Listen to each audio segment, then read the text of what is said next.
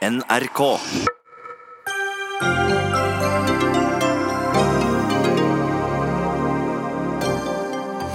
Oslo kommunes vedtak om å skrive ut eiendomsskatt for 2016 til 20 av hovedstadens innbyggere var ugyldig, konkluderte Høyesterett i dag. Og dermed må kommunen tilbakebetale flere millioner kroner, deriblant til noen av landets rikeste mennesker. En ny app som skal gi folk jobb på dagen, begeistrer arbeidsgivere, men bekymrer LO, som mener arbeidstakere blir stående igjen med lua i hånden. 267 fellelser på fem år. Så mange ganger har eiendomsselskaper blitt felt i reklamasjonsnemnda for eiendomsmeglingstjenester for brudd på god meglerskikk overfor boligkjøpere. Kan vi stole på eiendomsbransjen? Og Tine har måttet endre ordlyden i en reklame, noe som begeistrer veganerne, de som ikke vil putte i seg noen produkter som kommer fra dyr.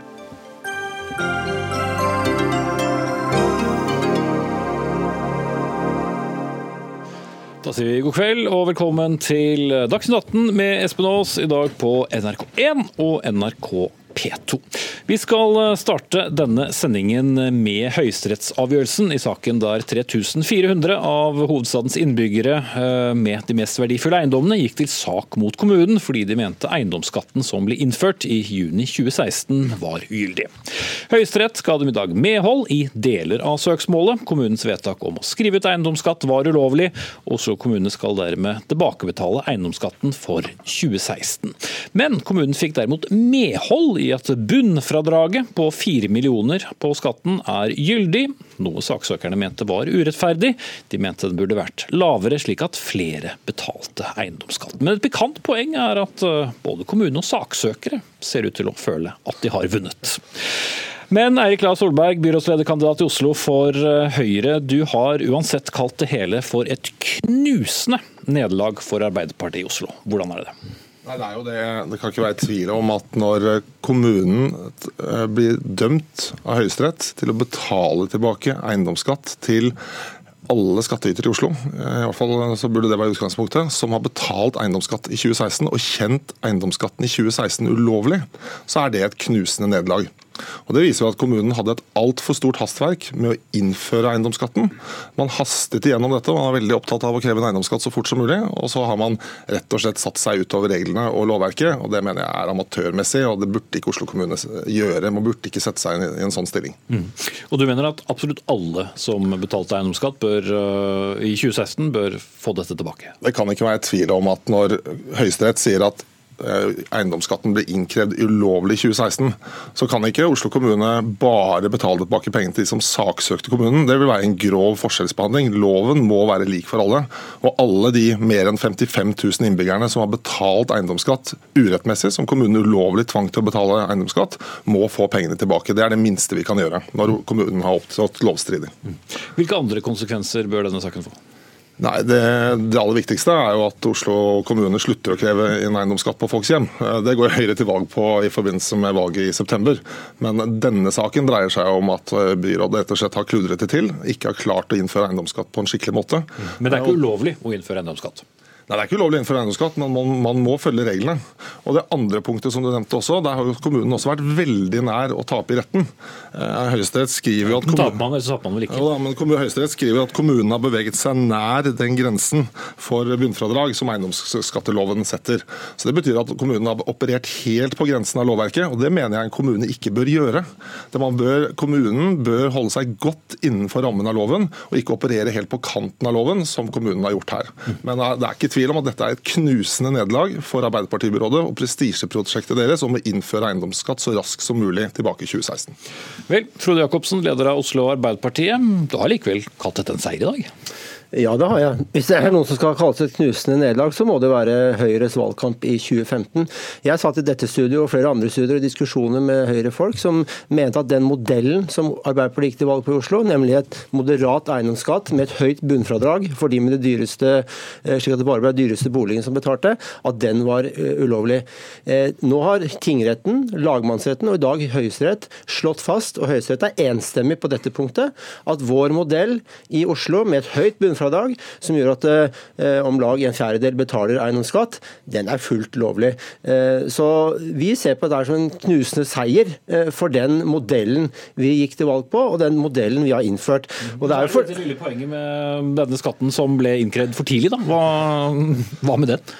Ja, det er selvfølgelig Skulle jeg ønske at eh, vi hadde også fått medhold på den. Eh, Finansdepartementet, KS, eh, tingretten har jo sagt seg enig i at den måten vi innførte eiendomsskatt på, er, er, lovlig. Jeg vet ikke hvor langt vi skal gå inn i detaljer her, men det handler altså om det bare... første året, om det skal være innen, først, innen, i løpet av mars eller i løpet av juni. Og vi tar selvfølgelig Høyesteretts vedtak her til etterretning. Det er altså et knappest mulig flertall i Høyesterett, tre av fem, jo, jo, som sier dette. Men vi forholder oss til enn det, da. Vi forholder oss til det. Men skal da alle som betalte eiendomsskatt i 2016 få tilbake pengene? Nå er det fem timer siden vi fikk eh, denne dommen her. sånn, og Som alltid når man får den type dommer, så er det behov for å gå inn i den eh, og få på en måte, vurderinger fra jurister. Eh, og Jeg forstår at det spørsmålet kommer opp, og det er selvfølgelig noe vi skal vurdere også ganske raskt. Nå, nå, har jeg ordet, Eirik.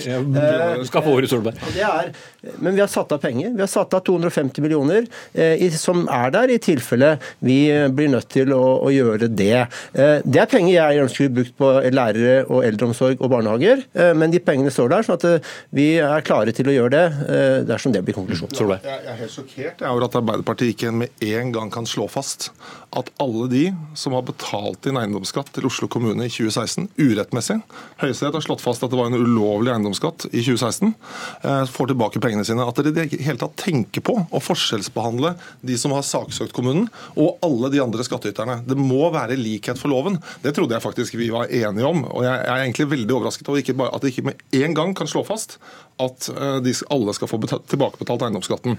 Men programleder, det er jo et forhold til her. Det kan jo oppstå en følgefeil i denne saken. her. Sånn. For Det er jo sånn at du, det første året du skriver ut eiendomsskatt, så kan du, først, kan du bare skrive ut to promille. Nå er eiendomsskatten i Oslo for 2016 kjent ulovlig. Oslo kommune skrev ut tre promille i eiendomsskatt i 2017. Så Det betyr at Oslo kommune kan komme i en situasjon hvor man må, må tilbakebetale også en tredjedel av eiendomsskatten for 2017. Så byrådet har gjort feil på feil og blitt felt av Høyesterett. Det er et knusende nederlag over profesjonaliteten til et byråd når man taper på et så sentralt punkt i Høyesterett. Eller en seier, som du kaller det. Ja, vi har fulgt eh, Finansdepartementets anbefalinger. KS, eh, kommunenes organisasjon, sto sammen med Oslo kommune eh, som, i denne rettssaken og var helt enig med kommunen. Men vi, vi fikk ikke medhold i Høyesterett, og det må vi forholde oss til. Hvis vi snakker om konsekvenser, så er det jo Høyre som må være svar skyldig. Eirik Lahr Solberg går til valg nå på å fjerne eiendomsskatten i Oslo. I løpet av neste fire år skal Eirik Lahr Solberg kvitte seg med 6,5 milliard kroner på kommunens budsjetter. Det velgerne i Oslo burde være urolige for, er jo hvilke sykehus, sykehjem, hvilke barnehager, hvilke skoler som skal legges Før vi går inn i vanlig valgkampmodus, vil jeg lure bare på en ting til. og det er, eh, Ja, men det er interessant med dette bunnfradraget. Så det blir da værende slik det er med 4 millioner, eller vil dere vurdere uh, å senke det slik at flere kommer til å betale uh, skatt? Altså Fra Arbeiderpartiets side så går vi til valg på den modellen som nå gjelder, og som da enstemmig tingrett, enstemmig lagmannsrett og enstemmig høyesterett har sagt den er lovlig, og den syns jeg er god. Den gir penger i kommunekassa til å finansiere 3000 barnehageplasser, til å finansiere 500 årsverk i eldreomsorgen, til å finansiere flere lærere og okay. gratis aktivitetsskole. Det er sånn at Oslo kommune gikk med et overskudd i 2018 på 1 milliard kroner kroner. Eiendomsskatten på boliger utgjør litt i overkant av 600 millioner. Det er den vi lover å fjerne først. Så det er ikke noe stort problem å finansiere det innenfor Oslo kommunes budsjett. Det Arbeiderpartiet burde tenke litt mer på, er at eiendomsskatten rammer veldig vilkårlig. Den rammer ofte usosialt, og det er dyrt nok å bo i Oslo fra før. Så eiendomsskatten den bør avvikles. den. Det går vi til valg på å gjøre. Og det som jo er helt uklart, er jo hva slags eiendomsskatt hvis de røde vinner valget som vi får i Oslo neste periode. Det er flere av partiene i Oslo bystyre på venstresiden som vil ha en høyere eiendomsskatt, så dette kan kan bli begynnelsen på en ganske vond og vanskelig eiendomsskattehistorie for mange skattytere i Oslo. Det jeg tror velgerne i Oslo først og fremst trenger svar på, er hvordan Høyre skal kutte. Nå reduserte du jo eiendomsskattekravet ditt, eller det, det lovnaden din, på å kutte til 600 millioner kroner i året. Vis velgerne hvor du skal ta de pengene da, Eirik Lahl Solberg. Er det færre barnehageplasser? Det er 1 milliard i overskudd i Oslo kommune i 2018. Det er fullt mulig å håndtere fjerning av eiendomsskatt på bolig innenfor det. Men du må finansiere annerledes enn det Arbeiderpartiet gjør, da. Ja, men Arbeiderpartiet bruker penger på veldig mye rart. Altså, for så har de jo sløst bort 100 millioner kroner på en stor boligbyggskandale. De bruker 118 millioner kroner til en stor feiring av Oslo som miljøhovedstad. Ja, vi, vi rekker ikke hele den eh, listen. Men hvor må dere først og fremst da hente pengene fra hvis dere må eh, betale tilbake mer enn det dere har satt av? Nei, Vi har satt av 250 millioner kroner. Vi skulle gjerne brukt de pengene på, på, andre ting. Eh, så må vi gå ordentlig gjennom denne dommen og se om det er eh, hvordan jussen der er. Jeg er ikke jurist sjøl. Jeg har første gang i mitt liv i dag lest en høyesterettsdom. Det var seg interessant. Eh, mye rart der. Men, men, det må vi også få komme tilbake til. Men jeg, jeg, jeg er ikke bekymra for om vi skal klare å håndtere det. Jeg er mer bekymra for hvordan Eirik Solberg skal finansiere sine valgløfter, men det får vi tydeligvis ikke svar på. Det må vi få svar på før 9.9. Og se hvem som vinner valget. I hvert fall fall en, en sak som uh, den ene siden sier var et knusende nederlag, en annen en seier. Så vi kan i hvert fall kalle det for eiendommelig, kanskje. Eirik Lae Solberg, byrådslederkandidat i Oslo for Høyre, og Frode Jacobsen, leder av Oslo Arbeiderparti.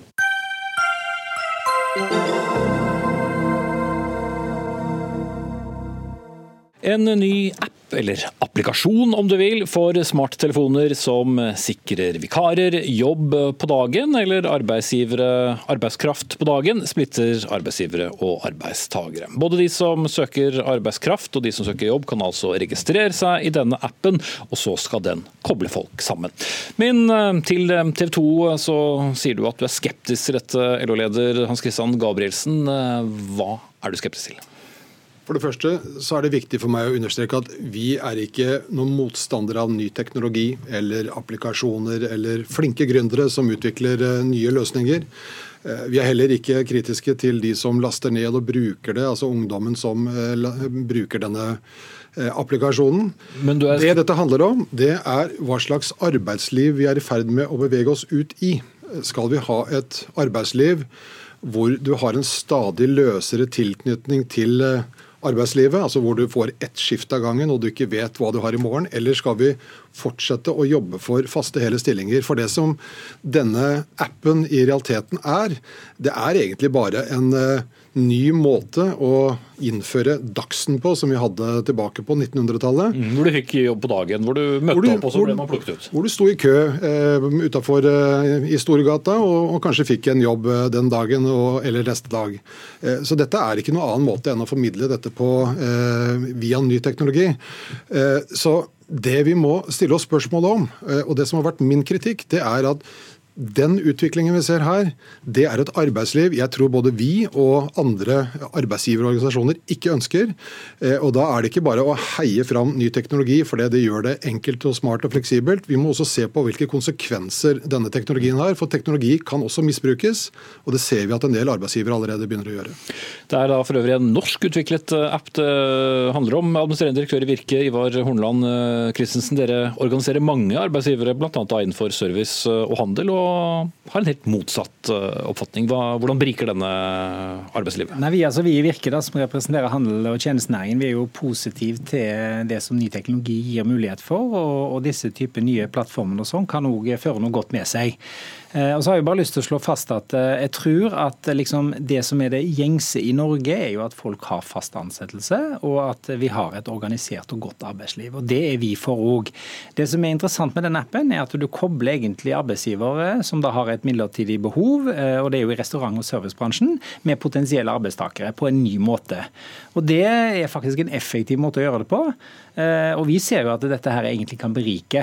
Men vi deler jo det at arbeidstakerne skal jo ha de vilkår de skal ha. Og eh, har vi gode og ordentlige arbeidsgivere, så følger det jo det. Det er jo egentlig bare metoden. Mm. Men det må da være en forutsetning at man har det? Ja, og det tror jeg jo at alle som driver i denne bransjen som vil drive ordentlig, vil jo måtte gjøre det. Og det, denne appen endrer jo ikke det. Sånn at Du må jo ivareta arbeidsrettslig regelverk og, det som måtte være på arbeidsplassen. Og Det er jo egentlig arbeidsgiveren som ansetter arbeidstakeren, men det er koblingen som er det unike. Og Det som er det interessante med dette, er at det er en mer effektiv måte kanskje å koble på. For Hvis du har da meldt finvær og det blir økt bemanning pga. sol og du skal servere ute, så er det altså en enklere måte enn å måtte ringe rundt eh, til faktisk å kunne bruke dette for å ta topper. Og Fleksibiliteten i det kan jo også komme arbeidstakere til gode, Gabrielsen, men det du er bekymret for er jo at det skal skje, eller hvorvidt det skjer innenfor ordnede Jeg, jeg er bekymra for uh, utviklingen i det du kan kalle et løsarbeidersamfunn. fordi at Det vi ser, uh, det er at teknologi fører mye godt med seg. Eh, men teknologi kan også misbrukes. og Vi ser allerede arbeidsgivere som, som gjør nettopp det.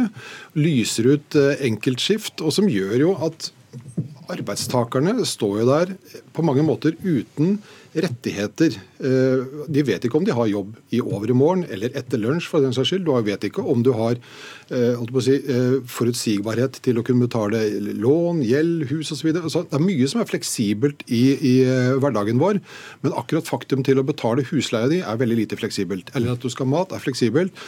Og den utviklingen vi ser her sånn, det er det jeg advarer mot. fordi når vi får den Så bør gå via Nav, som, som i dag? når vi får den type løs tilknytning, og når vi ser hvordan arbeidsgiverne benytter seg av denne fleksibiliteten, så skjer det på bekostningen av noen. Og det skjer på bekostningen av bl.a. unge som ønsker mer jobb.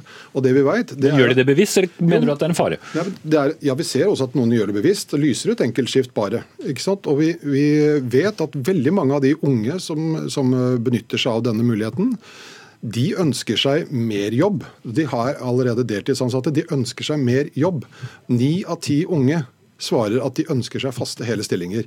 Og Den utviklinga vi ser her, det minner meg om det vi har sett gjennom bemanningsbyråer og utleiebransjen, hvor utviklingen etter hvert gikk så langt eh, med nulltimerskontrakter, altså såkalt fast ansatt uten lønn mellom oppdrag, at stortingsflertallet måtte instruere regjeringen for å foreta innstramminger. Mm. og Derfor så advarer jeg mot den utviklingen vi nå ser. Mm. Men Christensen, Hvorfor kan dette være bedre enn den tradisjonelle arbeidsformidlingen? Jeg vil ta tre ting. For det første så er det ikke sånn at eh, midlertidigheten har økt i Norge. Den ligger stabilt siden 2007. Så det er ikke sånn at midlertidigheten har økt. For det andre så er jeg enig med LO i at vi skal ha et organisert og ordentlig arbeidsliv. Det mener vi òg. Men det som er det interessante med den appen, det er at eh, i en bransje hvor det da er behov for denne type type. Og hvis du har studenter som faktisk ønsker å ta noen ekstra vakter, eller folk som en, en, eh, ja, er på vei inn i et yrkesliv, da, men gjør dette i tillegg til noe annet, så vil du altså via denne appen ha en bedre registrering av når du har jobba, hvor du har jobba, som du òg kan faktisk bruke hvis du skulle da være uheldig å komme i en arbeidsgiver som, som ikke opptrådte ordentlig.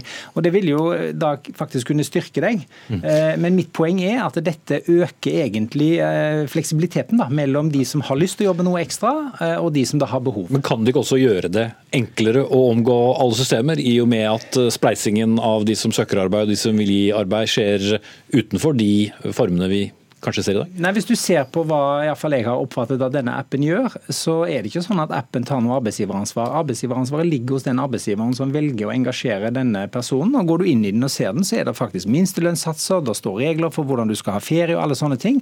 Så mye av det som ligger i appen, er jo faktisk det som er det organiserte arbeidslivet. Og så er det jo sånn at arbeidsgivere som ikke gjør dette ordentlig, de, om det er app eller ei, det spiller ingen rolle, de må drive ordentlig og seriøst. Og det tror jeg faktisk at de fleste vil. Og det er vel helt andre arenaer man så fall skal sikre det på, Gabrielsen? Jo, men altså, Samtidig så er det jo litt eh, naivt, mener jeg, å, å, å, peke på at arbeidstakere som får ett skift av gangen, eh, står med de samme rettigheter som om du er fast ansatt. For det første så er maktforholdene helt snudd på hodet. Altså, Du kan jo bare si fra sjøl i, i, forhold til eh, helse, miljø og sikkerhetsspørsmål. Altså, Hvis du er liksom den kjipe som da sier litt fra om hvordan ting er, så er det ikke sikkert at du får noe tilslag på den eh, neste gang. Men poenget mitt er det er en utvikling av arbeidslivet i Norge som jeg mener vi ikke skal ha. Og jeg mener seriøst også at skikkelig ordentlige arbeidsgivere de må også være i stand til å kunne planlegge produksjon og arbeidet på en sånn måte at vi ikke er avhengig av å kalle inn folk på enkeltskift. Altså. Mm. Men Frykter du mest at arbeids livet vil endre seg med flere sånne korte kontrakter som, som du frykter? Eller er det eh, rett og slett at eh, lover og regler også omgås? For det er vel egentlig to ting vi snakker om her? Ja, det er to, det er to ting. For det første så gjør det, det, gjør det enklere selvfølgelig å omgå lover og regler. Eh, det vil i så fall fordre et eh, en mye sterkere si, tilsyn fra Arbeidstilsynet. Da må også de få ressurser og midler til å gjøre det. Men det er først og fremst utviklingen og utviklingen utviklingstrekkene i arbeidslivet jeg advarer mot. Og Grunnen til at jeg gjør det, det er at når vi så hvordan innleie, bemanningsbransjen, spredde om seg med nulltimerskontrakter uten fast lønn mellom oppdrag, hvor stortingsflertallet faktisk måtte gripe inn, eh, så er det viktig at vi er på. Og dette handler som sagt ikke om flinke gründere som utvikler ny teknologi, eller ungdom som ønsker jobb. Det handler om hvilket okay. arbeidsliv vi skal ha. Hvis du kort til slutt Kristensen, kan eh, berolige eller kan si hvordan vi kan uh, Nei, hvis, hvis vi det, ikke risikere dette. Hvis vi knytter til denne spesifikke appen, så føler jeg at uh, disse gründerne her har selv jobba i denne bransjen i 20 år. De ser at her er det en, et udekket behov, og de har laget en app som kan løse opp i dette. Og Det er jo sånn i dag at du kan planlegge mye i restaurantbransjen, men er det fint vær, så har du kanskje behov for det. Så du må altså da enten ringe folk. Her har du altså muligheten til å kunne få tak i folk via en app. Ja, Da svarte du ikke egentlig på det jeg spurte om, men har ikke mer tid heller. Takk skal dere ha. Ivar Hornland Christensen, administrerende direktør i Virke, og Hans Christian Gabrielsen, leder i LO. Hvis du lurer på hva den appen het, for det sa jeg ikke innledningsvis, så heter den Staffers.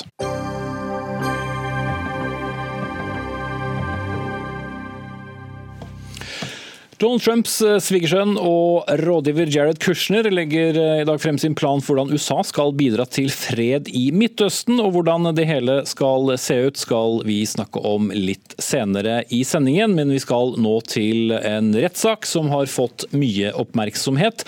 Det handler om rettssaken mot eh, tidligere fiskeriminister og fylkesmann Svein Ludvigsen. Rettssaken ble avsluttet i ettermiddag. Forsvarerne mener det ikke er noe bevis for at Ludvigsen misbrukte sin sin stilling, og dermed ikke kan dømmes. Påtalemyndigheten sa på sin side senest i går at den mener Ludvigsen bør fengsles i fem år og seks måneder for å ha utnyttet sin stilling som fylkesmann til å seksuelt misbruke tre unge menn i en sårbar posisjon.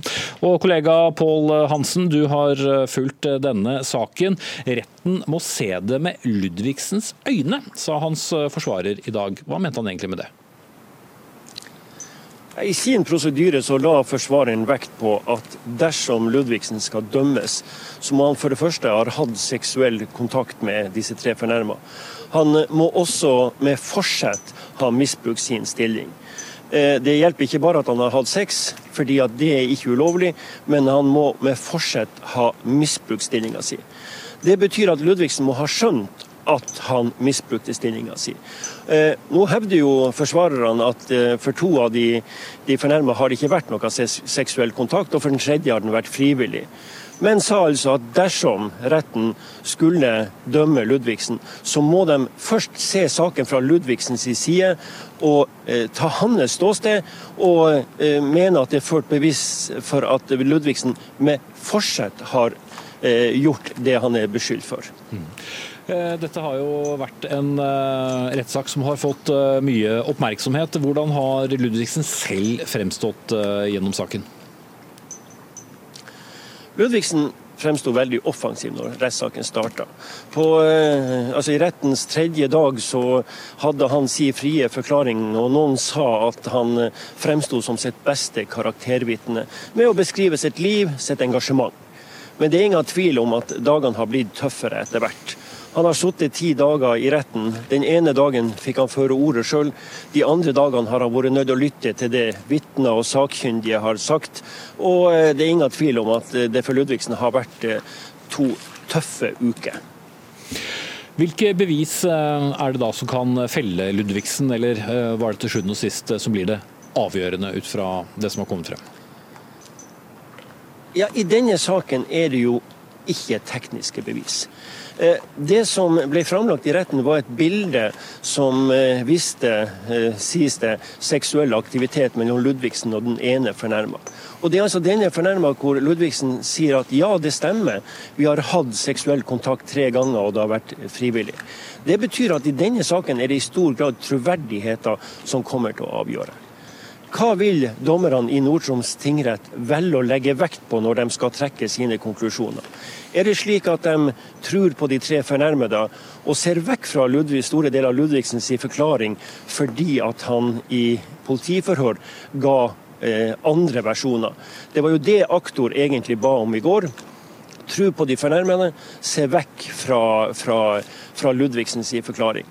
Og Det er altså det retten skal ta stilling til hvem snakker sant i tinghuset i Tromsø? Mm. Og kort til slutt, eh, Pål Hansen. Eh, hvilken straff risikerer Ludvigsen dersom han skulle bli dømt? Ja, Det er nedlagt en påstand om fem år og seks måneders fengsel. Eh, det var til sammen en strafferamme på tolv år, men aktor la altså ned en påstand om, litt under halvparten. Og eh, Det er en ganske høy straff i forhold til lignende saker. og Det ble begrunna med at eh, Ludvigsen var i en svært høyt betrodd stilling, og at det er få slike saker som er ført for norsk rett. Så han risikerer altså nærmere seks års straff. Takk skal du ha, Pål Hansen. Vår reporter i Tromsø. Dom i saken faller 4.7.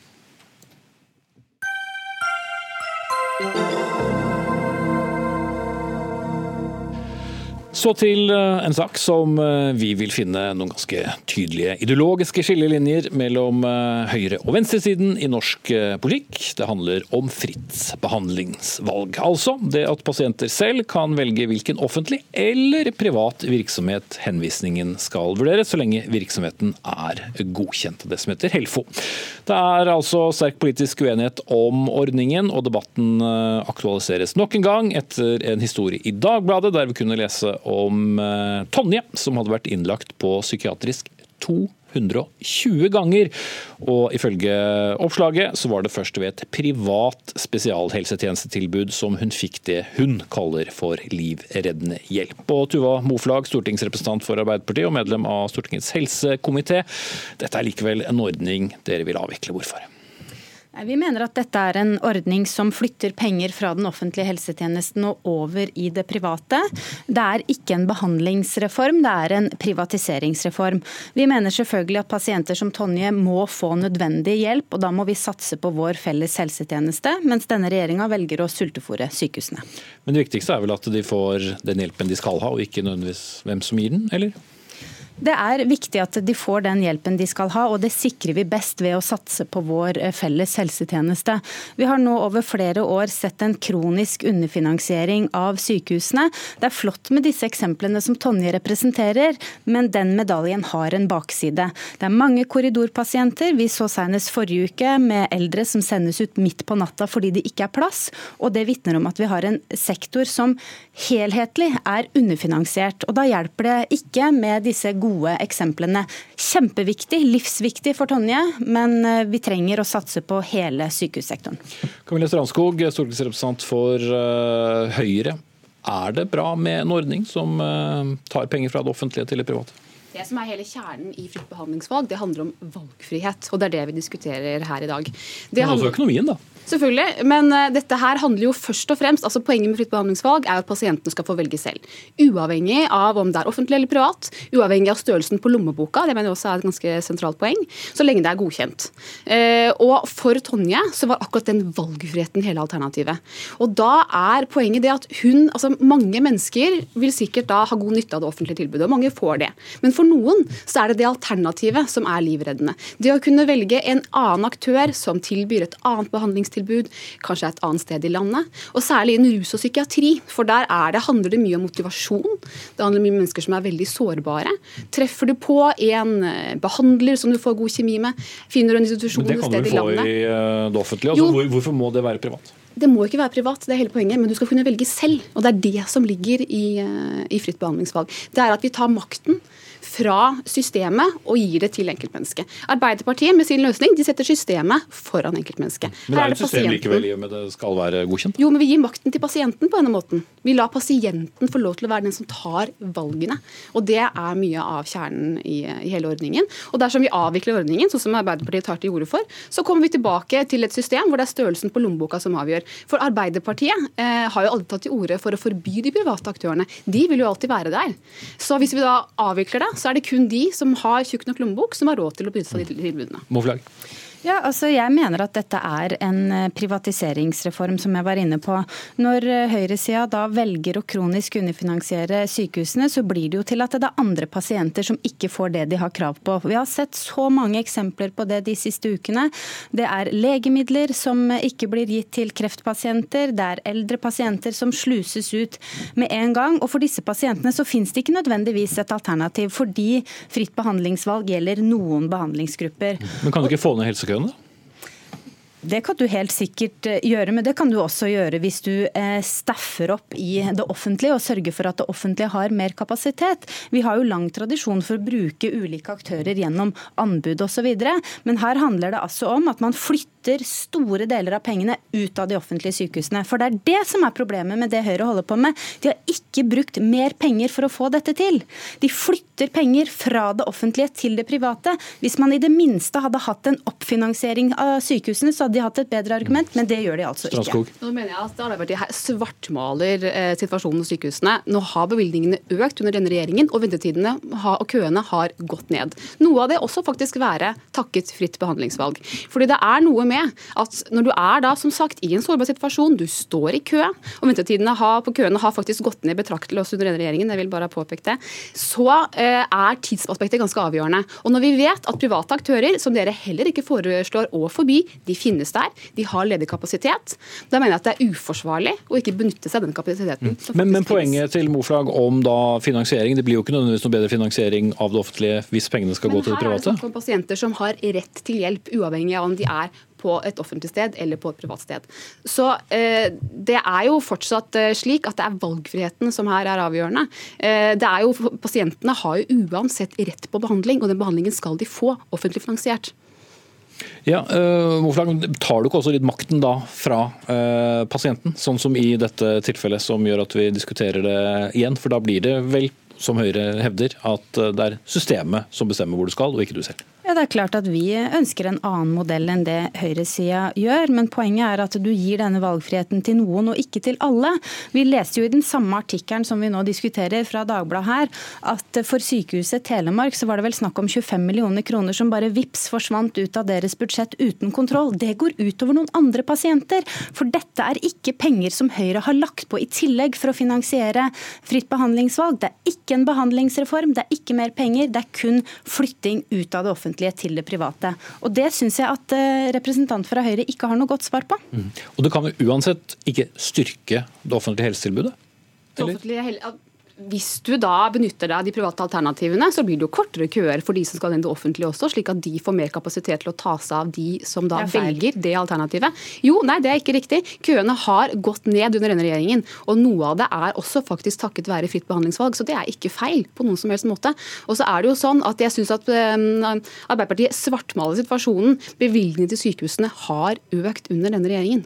Så det er faktisk uh, ikke en sånn alvorlig situasjon som, uh, som Moflag her skal ha det til. Og eh, det er også slik at eh, eh, valgfriheten og det at pasienten da må få lov til å velge selv, mener jeg fortsatt er det sentrale, som jeg ikke syns at Arbeiderpartiet svarer godt nok på. Dette her er ikke en debatt om sykehusfinansiering, det er en debatt om hvorvidt vi skal tillate private aktører eller ikke. Som er et ideologisk valg? Ja og hvor dere har en helt annen ideologi. Vi stopper der. Camilla Strandskog, eller nå stortingsrepresentant for Høyre, og Tuva Moflag, stortingsrepresentant for Arbeiderpartiet. Hør Dagsnytt 18 når du vil. Radio NRK Radio.nrk.no.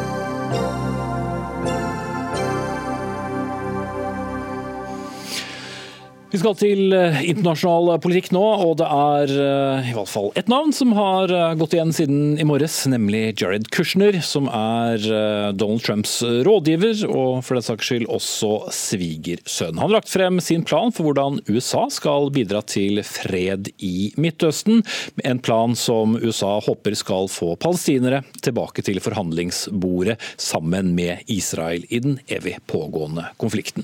Og Midtøsten-korrespondent her i NRK Kristin Solberg, eh, ja, hvordan har Kushner tenkt å få det til? Ja, Kushner driver her med en ganske ukonvensjonell måte å drive fredsmegling på. Han har rett og slett delt eh, eh USAs fredsplan for Midtøsten i to deler. Den ene er den økonomiske delen, som han la fram på en konferanse i Bahrain i dag. Og den andre er den mye mer kontroversielle og vanskelige politiske delen, som foreløpig er ukjent, og som først blir presentert på et senere tidspunkt, antagelig først i høst etter nyvalget i Israel. Men for å gå på den økonomiske økonomiske delen som jo ble presentert i dag, så innebærer den 50 milliarder amerikanske dollar i støtte til Palestina og naboland med palestinske flyktninger over ti år. Det nevnes nesten 200 infrastrukturprosjekter, og målet er å doble den palestinske økonomien innen ti år, redusere arbeidsledigheten ved å skape en million jobber, og også redusere fattigdomsraten med 50 Og Alt dette er jo sårt, sårt trengt for palestinerne. Men problemet her er at ingenting av dette blir eh, utført, med mindre aktørene også går med på den foreløpig ukjente politiske planen. Og Der er denne planens eh, store svakhet og utfordring. Mm. Ja, eh, Det er jo da åpenbart noen ukjente i denne ligningen her, som du sa til slutt der, Kristin Solberg. Men hva har kommet da av reaksjoner fra henholdsvis palestinsk og israelsk side? Ja, palestinerne boikotter jo konferansen i Bahrain i dag. og Det har vært eh, protester og streiker både på Vestbredden og på Gazastripen. Opplevelsen der er, eh, blant mange palestinere er at eh, Trump og Jared Kushner med dette forsøker å kjøpe dem bort fra et av de store kravene om en egen palestinsk stat. All den tid Trump jo gang på gang ikke har stilt seg bak tostatsløsningen, og man vet ikke hva den politiske planen vil innebære når det gjelder det. Og Palestinerne har jo kanskje også grunn til å være skeptiske, all den tid Trump har vist seg å være svært Israel-vennlig. Eh, kanskje den mest Israel-vennlige presidenten i amerikansk historie. Og flere av deres nøkkelkrav er jo allerede tatt av forhandlingsbordet, bl.a. Eh, eh, da Trump anerkjente Jerusalem som, som Israels hovedstad for litt siden. På israelsk side så er jo naturlig nok situasjonen litt annen, eh, hvor man har eh, la oss si, høyere forventninger. Eh, Benjamin Netanyahu, statsministeren, han deltar ikke i Bahrain i dag, men har sagt at han vil lytte åpent til dette, denne fredsplanen, og, og, kritiserer også palestinske ledere for å, for å avvise den på forhånd. Men med en nær alliert som Trump, så har han kanskje også mer grunn til å være optimistisk. Du blir med oss videre, Kristin Solberg, men jeg vil nå til Jakob Høygil, professor i Midtøsten-studier ved Universitetet i Oslo. Du er med oss på, på, linje. Det er altså snakk om at USA skal investere mellom 400 og 500 milliarder kroner, og mye skal da altså investeres på, på Gaza og de palestinske områdene på Vestbredden, som Solberg sa her.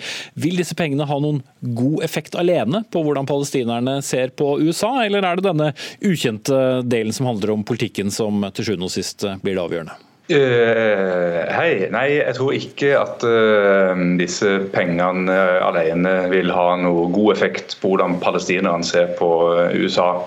Fordi at spørsmålet om rettigheter ikke finnes i den delen av planen, den økonomiske planen i det hele tatt.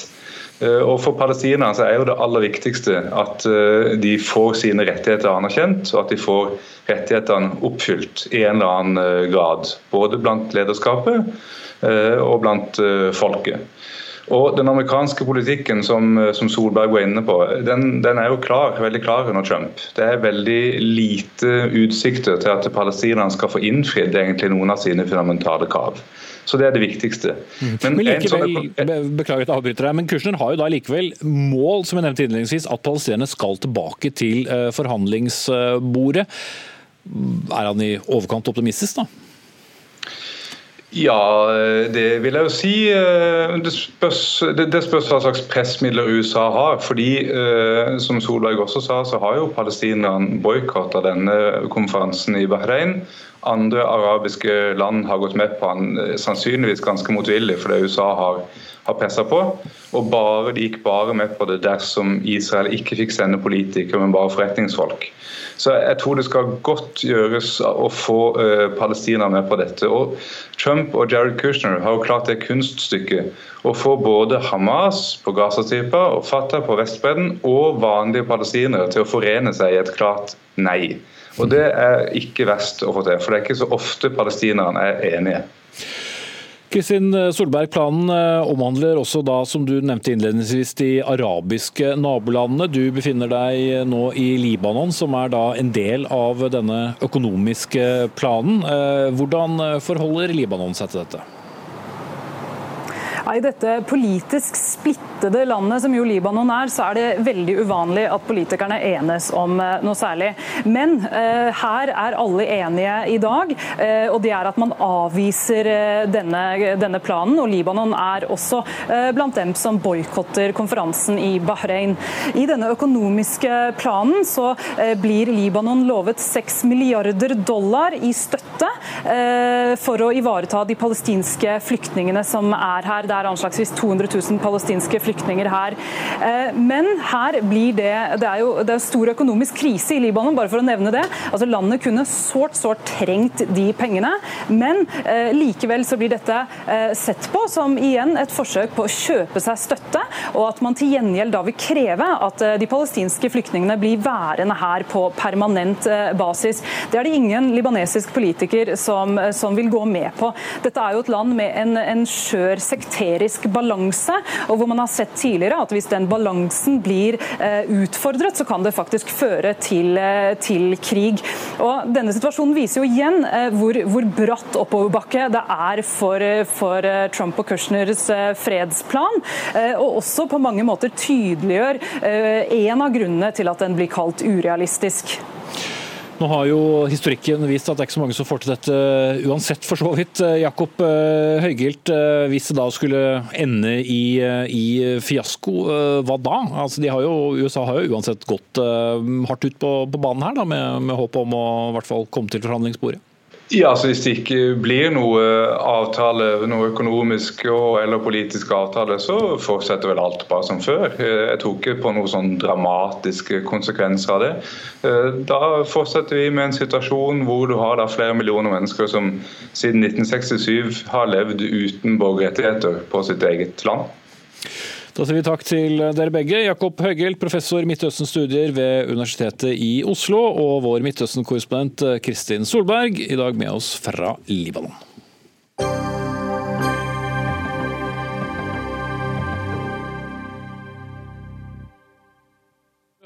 67 fellelser på fem år. Så mange ganger har altså eiendomsselskaper blitt felt i reklamasjonsnemnda for eiendomsmeglingstjenester for brudd på god meglerskikk overfor boligkjøpere, kunne vi lese i Aftenposten. På toppen av statistikken troner selskapene DNB Eiendom og Privatmegleren. Disse har også blitt felt i nær halvparten av alle klagesaker som har blitt behandlet mot dem, og det mener dere er altfor dårlig. Olav Kasland, du er fagdirektør der. Er det da svikt i systemet? System, eller er det enkeltmeglere? Ja, Det er nok en kombinasjon av begge deler. Jeg tror det er systemsvikt hos eh, noen av meglerforetakene. Men det er også enkelte eiendomsmeglere som ikke gjør jobben sin. Så jeg tror ikke det er annet eller, jeg tror nok det er både òg. Så er det de som eh, dere representerer, da, nemlig forbrukerne. Kan man eh, stole på eiendomsmeglerbransjen? Det har nok skjedd en, eh, en bedring i meglertjenestene de senere åra. Altså, meglerne i dag har en treårig bachelorutdanning og en toårig eh, praksis i etterkant. Så vi, vi ser en bedring. Men fortsatt så er det en utfordring, eh, kanskje spesielt i de oppheta markedene. og Kanskje at meglerforetakene trigger mer volum eller trigger kvalitet. Slik at det, det er en utfordring som, som vi ser. Mm. Så skal vi til selskapene med flest fellelser. DNB Eiendom de ønsket ikke å stille i Dagsnytt 18 i kveld, men eh, dere gjør det. Eh, Grete Wittenberg Meyer, du er administrerende direktør i Privatmegleren. Dere ble altså felt i 44 av 90 klagesaker som ble behandlet, altså nesten eh, halvparten. Hva vil du si om den statistikken? Det jeg vil si er at jeg tror vi bare aller først må se det litt i perspektiv. For vi hadde i den perioden 70 000 boligtransaksjoner. Og hver boligtransaksjon har ganske mange interessenter. Og vi fikk da 40 fellelser. Så skal jeg villig si at det syns vi er for høyt, og vi skulle gjerne vært de 40 foruten. Men allikevel, sett i det totalvolumet, så syns jeg ikke det er snakk om så mange saker. Men hvorfor skjer det? Ja, Hadde vi visst det, så hadde vi ikke hatt de 40 sakene, for å si det sånn.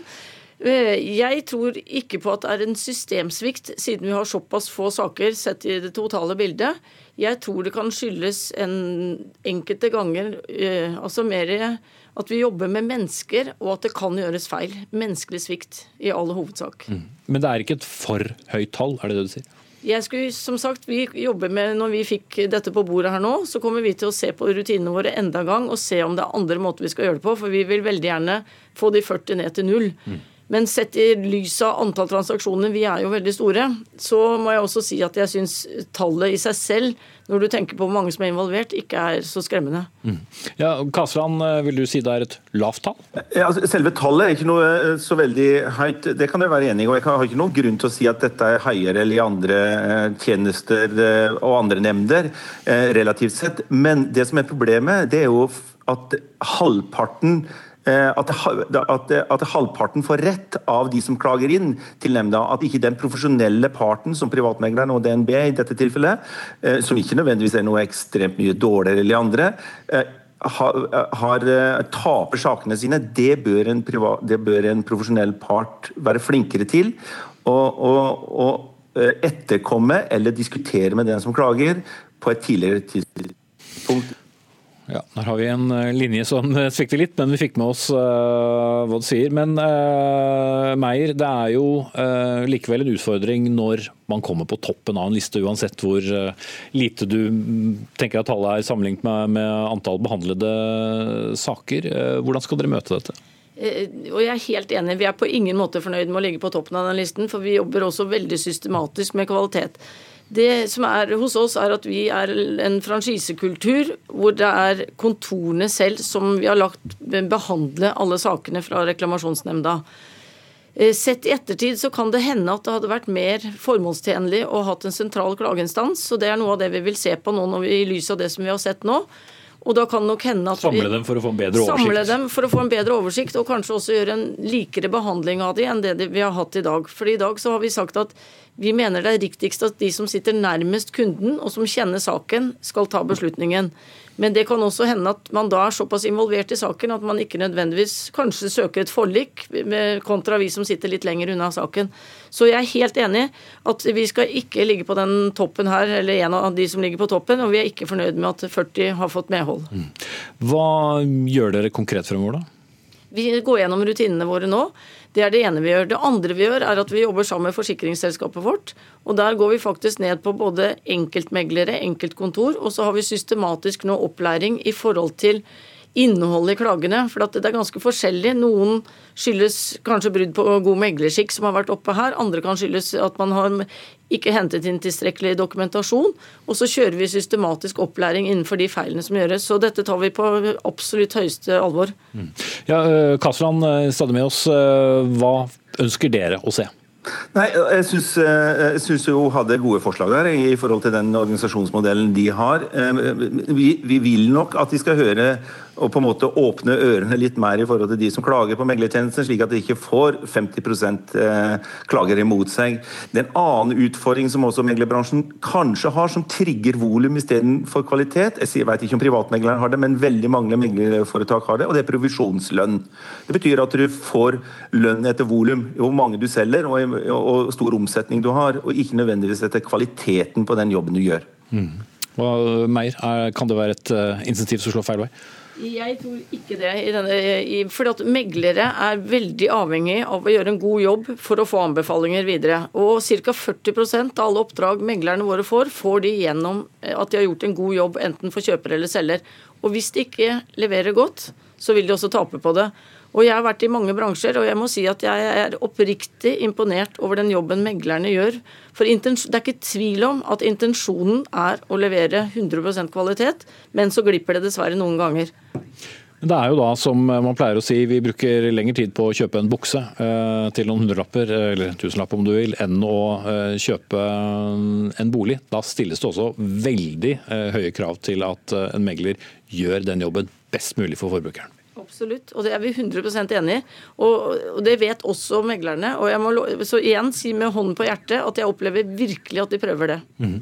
Men da er jo også spørsmålet, Kasia, når dette skjer på så kort tid, involverer så mye penger, er det da også for lett å skylde på misforståelser i, i kommunikasjon mellom megler og boligkjøper? Ja, sånn, som jeg, sånn som Forbrukerrådet ser det, så er det jo meglerforetakene og meglerne som er den sterke part i dette forholdet. Det er de som sitter og trans har transaksjoner eh, daglig. Eh, en annen som selger boligen, han gjør det kanskje én til to ganger i livet.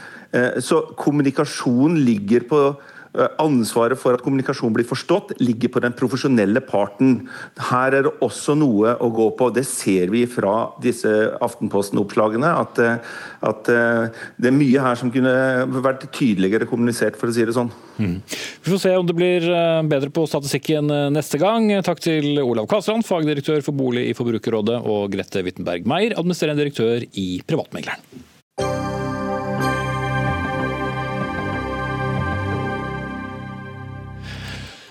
Med store, fete typer og bilde av en ku i solnedgang. Hvis det da ikke var en soloppgang, så eh, hevdet Tine at de var Norges mest bærekraftige selskap i 2019, via en reklamevideo publisert på Facebook. Det har de imidlertid ikke rett til, slo Forbrukertilsynet nylig fast, etter å ha mottatt en klage fra lederen i Norsk Vegansamfunn, Samuel Rostøl. Og I et intervju med NRK om denne saken har du sagt at Tine skjønnmaler omtaler en industri som verken er bærekraftig eller dyrevennlig. Hva betyr det? Altså Grunnen til at vi mener det er mange. Eh, for det første så fjernes kalvene fra mor veldig kort tid etter fødsel, og der kan de stå isolert i opptil åtte uker. Melkekua sjøl får leve kun fire år før gjennomsnittskua slaktes. Og mange kyr står fastlenka mesteparten av året. Og Alle de her storfeene produserer store mengder metan og krever store mengder energi, og vi får nesten ingenting tilbake i forhold.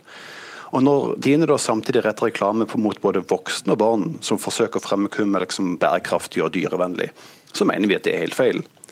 Problemet måtte blir at når Tine så åpenbart lyver om hvorvidt de er Norges mest bærekraftige, så må vi også spørre om hva annet de kan finne på å lyve på i sin markedsføring. Ja, men Sindre Oddonsen, kommunikasjonssjef i eh, Tine, hva var det egentlig dere gjorde galt i den reklamen? Nei, Det vi har fått uh, kritikk for, er at vi i en film så, så starter teksten med at uh, Tine er Norges mest bærekraftige selskap. Dette var på Facebook, og det var seks filmer det var snakk om, faktisk. Men alle inngangstekstene slo fast at Tine takker den norske forbrukeren for at de har kåret Tine til det mest bærekraftige selskapet i Norge. Det burde også vært med i filmen, og det tar vi selvkritikk på. Derfor så gjør vi justeringer i det. Mm.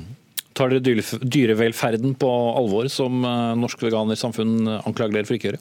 Jeg er veldig glad for at uh, Rosdal er opptatt av dyrevelferd, for det vet vi at uh, nordmenn flest er. Og tar vi den på alvor? Ja, det gjør vi. Vi har gjennomført 500 møter med produsentene våre siden august i fjor. Vi har om dyrevelferd. Vi har gjennomført 11 500 fjøsrunder. Vi har et rådgiverapparat bestående av fagfolk, mange veterinærer. Vi har omfattende helsekontroll, eh, og ikke minst så har vi eh, utrolig dedikerte mjølkeprodusenter landet over. Mm. Det var eh, mange som trodde at det sto bra til i andre deler av landbruket som ikke har med Tine å gjøre, nemlig svinebøndene. Fikk seg en, en liten overraskelse der i forrige uke. Du skal slippe å kommentere den hendelsen. men hva vet vanlige folk om hvordan husdyr holdes og melkekuer sånn egentlig?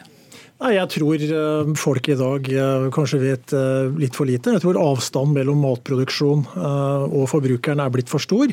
Men det jeg kan fortelle, er jo at vi har et, et veldig godt apparat i forhold til å rådgi bøndene våre. Men vi skal først og fremst tro på det dere sier. Ja, og, det, og, og, og, du kan si det at Det norske melkebruket i Norge er jo relativt lite internasjonal målestokk. Det er rundt 5-26 dyr. Det er familiedrevet. Eh, det er ikke mye bruk av innleid, ufaglært arbeidskraft, slik, at, slik du kan se fra, fra enkelte skrekkvideoer fra utlandet osv. Så videre. sånn at eh, her det, ligger det til rette for en nærmere relasjon mellom bonden og dyra enn det du ser mange steder i, i utlandet. Og, og, holdninger hos bonden ja, det er det viktigste i forhold til dyrevelferd. Mm. Men Rostøl, nå er ikke du noen tilhenger av å, å drikke melk heller, som, som veganer. Men hva slags dyrehold ville du sett om en form for dyrhold over hodet? Altså, nå, nå, er ikke mitt, Min oppgave er ikke å, å, angripe bonden på noe vis, men systemet som kua lever under, er feil. Altså, Kuen i Norge har utrolig lite krav på, på, på å kunne beite. Men de kuene som har mest krav på beite, er, er båsfjøs. Så de har bare krav på 16 uker. Det er fire måneder av tolv i året. Um, og vi ser på en måte at det, det vi så i grisefilmen, var jo at når man kan lukke døren og skjerme dyr fra innsyn, det er da feilene skjer. Det er da feilene lett kan oppstå. Um, det finnes utallige bilder og videoer fra norsk landbruk der man ser kyr som er fastlenka til, til båsen året rundt. Alle de åtte til ti månedene som står på, på bås. Og det er jo systemet her som er feil. Systemet hvor, hvor, dyr på en måte ikke kan få den friheten til å gå ut, som er problemet. Mm. Ja, Ånonsen, altså hva, hvor ofte er norske kyr på beite. Vi skiller da mellom det som eh, heter eh, de som er i løsdrift, eller de som står på bås. Så hvor mye er de da ute i, i frisk luft? Nei, Det varierer jo, men kravet, løsdriftkravet er åtte uker. Eh, for de som står i bås, så er det riktig, som Samuel her påpeker, at da snakker vi i prinsippet et krav om fire måneder. Mm. Og det er, jo, det, er jo, det er jo også naturgitte klimatiske forhold som tilsier at norske dyr ikke går ute hele året. Når det gjelder diskusjonen om båsfjøs, løs versus løsdrift, så vet vi jo det at eh, innen 2034 så skal vi ha gått over til løsdrift i Norge. 60 Som at ikke står ja, som, og 60% av dyra i Norge eh, er i løsdrift allerede. Og så er det sånn at Veterinærmiljøene, hos fagpersonene, så er det litt ulike oppfatninger om hva som egentlig er best for kua. Fordi at uh, i, et, i et båsfjøs så er det noen som mener at man har bedre kontroll i forhold til smittsomme sykdommer, man får mindre mobbing i fjøs osv. Eh, og, og, mens andre mener at eh, løsdriften er det beste. Men det viktigste uansett om et dyr befinner seg i et båsfjøs eller løsdrift, det er relasjonen bonden har til dyra sine. Mm. Men eh, norske kalver, da, som man var inne på her, hvor lenge får de være sammen med, med kua etter, etter kalving? Nei, Hvis det er snakk om båsdrift, så er det relativt umiddelbart etter at de er født. Hvis det er i løsdrift, så går det gjerne noen timer rasjonale bak å separere eh, ku og kalv.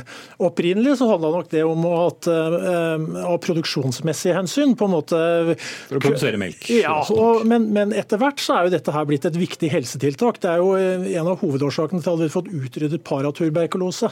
Nesten utrydda paratuberkulose blant storfe.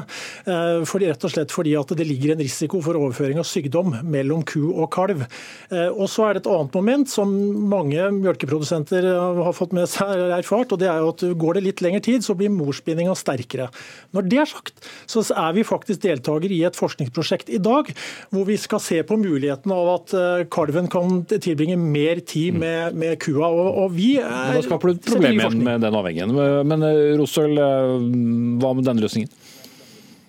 Altså, vi, vi, ser jo gang på gang at, at, problemet igjen er det store systemene hvor vi tvinger dyrene til å være i, i våre premisser. Altså, han nevner jo, sånn, Sindre nevner jo at, at problemet ene er så her, problemet andre er så der. Men, men det store overgripende problemet er at vi har satt kyrne i et system der vi styrer deres liv.